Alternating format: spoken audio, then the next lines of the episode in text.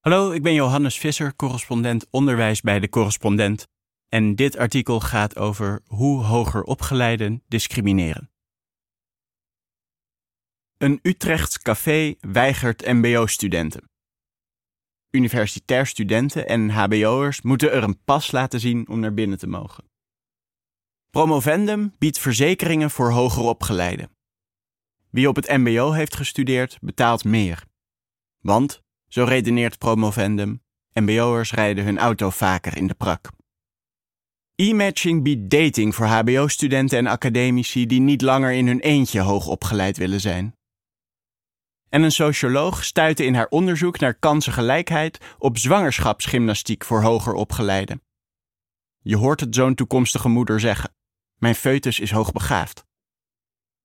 In een wereld waarin je diploma's je toekomst bepalen, onderscheiden mensen zich op basis van hun opleidingsniveau. En dus is hoger opgeleid zijn een identiteit geworden, waar verzekeringsmaatschappijen en datingplatforms handig gebruik van maken. En hoger opgeleiden zijn net echte mensen. Ze vormen een groep om zich vervolgens beter te voelen dan anderen, om neer te kijken op degenen die niet bij de groep horen. In dit geval dus de niet zo hoog opgeleiden elites, schrijft filosoof Michael Sandel, zijn zo enorm veel waarde gaan hechten aan hun universitaire diploma, dat het hun moeite kost om te begrijpen hoe hoogmoedig dat hen maakt. En hoe streng en onbarmhartig het oordeel is dat hun denken velt over iedereen die niet heeft gestudeerd. Dat neerkijken begint al op school. Laat een onderzoek van een Nederlandse socioloog mooi zien. Leni van den Bulk liet leerlingen van het VMBO, de HAVO en het VWO foto's zien van mensen uit verschillende lagen van de samenleving. Op een van de foto's stonden bijvoorbeeld zakenmannen bij een vliegtuig, op een andere stond een postbode of een man die op straat drugs aan het gebruiken was. Van den Bulk vroeg de leerlingen om de foto's te categoriseren. Wat bleek? Leerlingen van verschillende onderwijsniveaus deelden de foto's verschillend in. Van de VWO-leerlingen maakte ruim driekwart een indeling volgens een hiërarchie. Ze plaatsten mensen met veel status bovenaan en met weinig status onderaan. Bijna de helft van de VMBO-leerlingen maakte geen indeling op basis van hiërarchie, terwijl ze wel degelijk wisten dat zo'n maatschappelijke ladder bestond.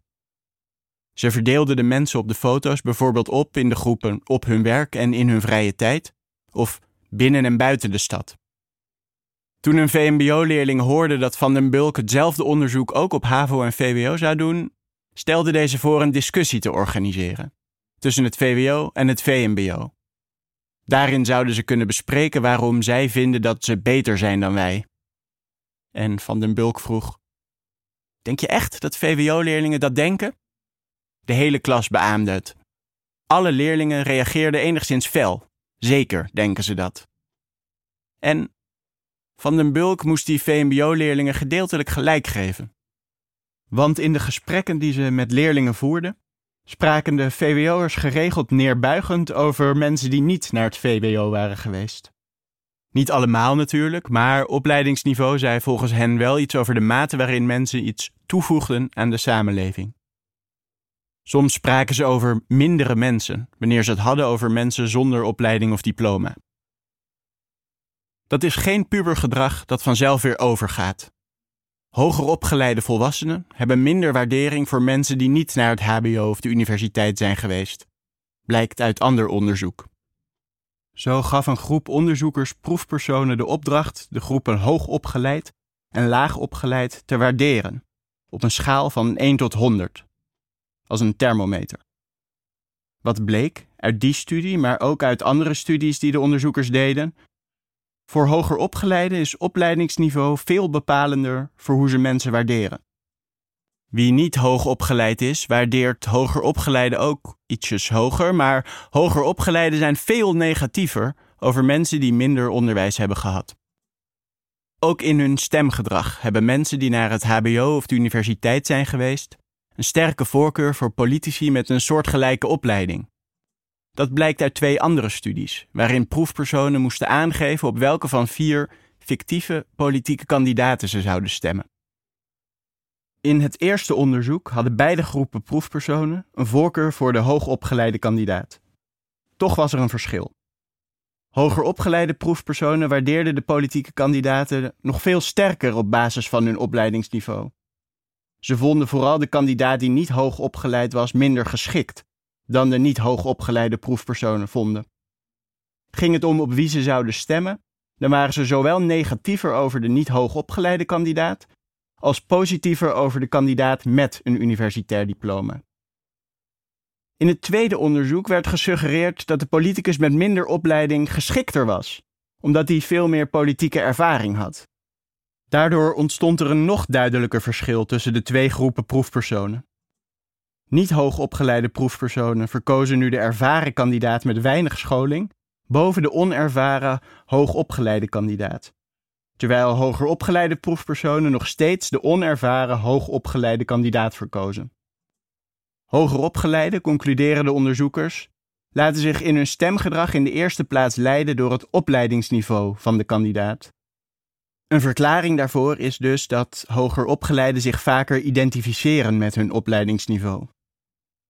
Mensen identificeren zich sneller met eigenschappen waar ze een positief gevoel bij hebben en een hoog opleidingsniveau is zo'n eigenschap.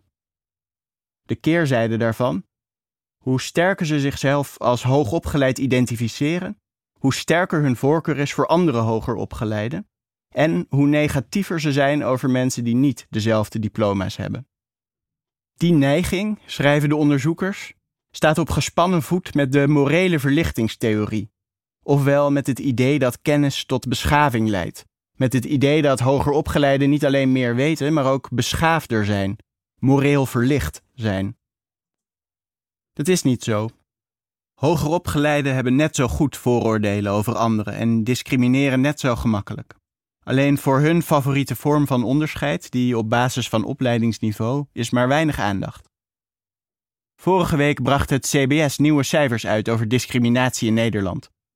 Respondenten konden kiezen uit twaalf categorieën op basis waarvan ze zich het afgelopen jaar gediscrimineerd hadden gevoeld. Opleidingsniveau hoorde er niet bij.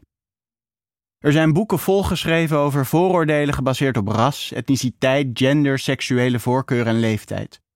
Er zijn talloze onderzoeken gedaan naar vooroordelen op basis van religie, fysieke en mentale beperkingen en nationaliteit. Maar onderzoek naar onderwijs als onderscheidend kenmerk, daar is veel minder aandacht voor. En daar zijn in ieder geval twee redenen voor. Eén, het is een blinde vlek. Conflict tussen verschillende groepen, bijvoorbeeld op basis van ras, gender of sociale klasse, wordt veel sterker ervaren door de groep die gediscrimineerd wordt. Allerlei vormen van discriminatie, zoals seksisme en racisme, worden mede onderzocht omdat sommige wetenschappers zelf tot de gediscrimineerde groep behoren. Maar wetenschappers zijn per definitie hoog opgeleid, en dus hebben ze discriminatie op basis van opleidingsniveau vaak zelf nooit ervaren. Sterker nog, ze behoren tot de groep met de vooroordelen, de groep die discrimineert. Hetzelfde geldt voor allerlei andere vakgebieden die bepalen hoe we naar de wereld kijken. Journalisten, beleidsmakers, leraren en schoolleiders, gemeenteraadsleden en andere politici. Vaak zijn ze op allerlei manieren divers en diverser geworden, behalve als het gaat om opleidingsniveau. De tweede reden is complexer. Na de Tweede Wereldoorlog groeide het geloof dat niet afkomst mensen hun toekomst zou moeten bepalen, maar hun talent en harde werken, dat zou rechtvaardiger zijn. Diploma's werden de manier om te bepalen hoe getalenteerd iemand was en onderscheid maken op basis van diploma's werd een gerechtvaardigde manier om mensen te beoordelen. En dat is nog altijd zo natuurlijk. Werkgevers mogen niet discrimineren op basis van etniciteit, gender, uiterlijk, seksuele voorkeur of leeftijd omdat van hen verwacht wordt dat ze maar op basis van één criterium selecteren: wat iemand kan, en dus op basis van diploma's. Natuurlijk is er veel voor te zeggen dat zo'n systeem met diploma's rechtvaardiger is, en dat voor sommige beroepen hoger opgeleiden nodig zijn. Maar dat maakt het niet minder pijnlijk dan andere vormen van discriminatie. Filosoof Michael Sandel betoogt dat het psychologisch zelfs zwaarder is, omdat degene die beoordeeld wordt op wat hij kan, gepijnigd wordt door voortdurende zelftwijfel. Heb ik toch niet hard genoeg mijn best gedaan? Ligt het toch aan mezelf? Tegen wie moet degene die beoordeeld wordt op zijn diploma's in opstand komen? Het hoeft dan ook niet te verbazen dat er geen woord bestaat voor discriminatie op basis van opleidingsniveau. Daarom bij deze. Als seksisme onderscheidt op basis van seks is en racisme onderscheidt op basis van ras, dan is onderscheid op basis van diploma's diplomisme. MBO'ers geen studenten willen noemen? Diplomisme. Die mop over die HBO'ers en EHBO'ers? Wat is het verschil? Een EHBO'er kan verbanden leggen? Diplomisme. Van diplomisme is al helemaal sprake wanneer opleidingsniveau een onzinnige reden wordt om mensen uit te sluiten. Wanneer je een verzekering afsluit, een dating-app downloadt, zwangerschapsgymnastiek voor hoger opgeleiden aanbiedt of MBO-studenten weigert in je café. Misschien moeten er bordjes op de deur gaan hangen. Verboden voor lager opgeleiden. Dan is in één klap duidelijk dat al die hoger opgeleiden helemaal niet zo moreel verlicht zijn. Het is de missie van de correspondent om voorbij de waan van de dag te gaan. Onze correspondenten voorzien het nieuws van context en schrijven over de grote thema's van deze tijd. De correspondent geeft me de vrijheid om mijn nieuwsgierigheid te volgen en de tijd om verhalen te schrijven. En zo probeer ik onzichtbare structuren zichtbaar te maken en een andere kijk te bieden op debatten die het nieuws domineren.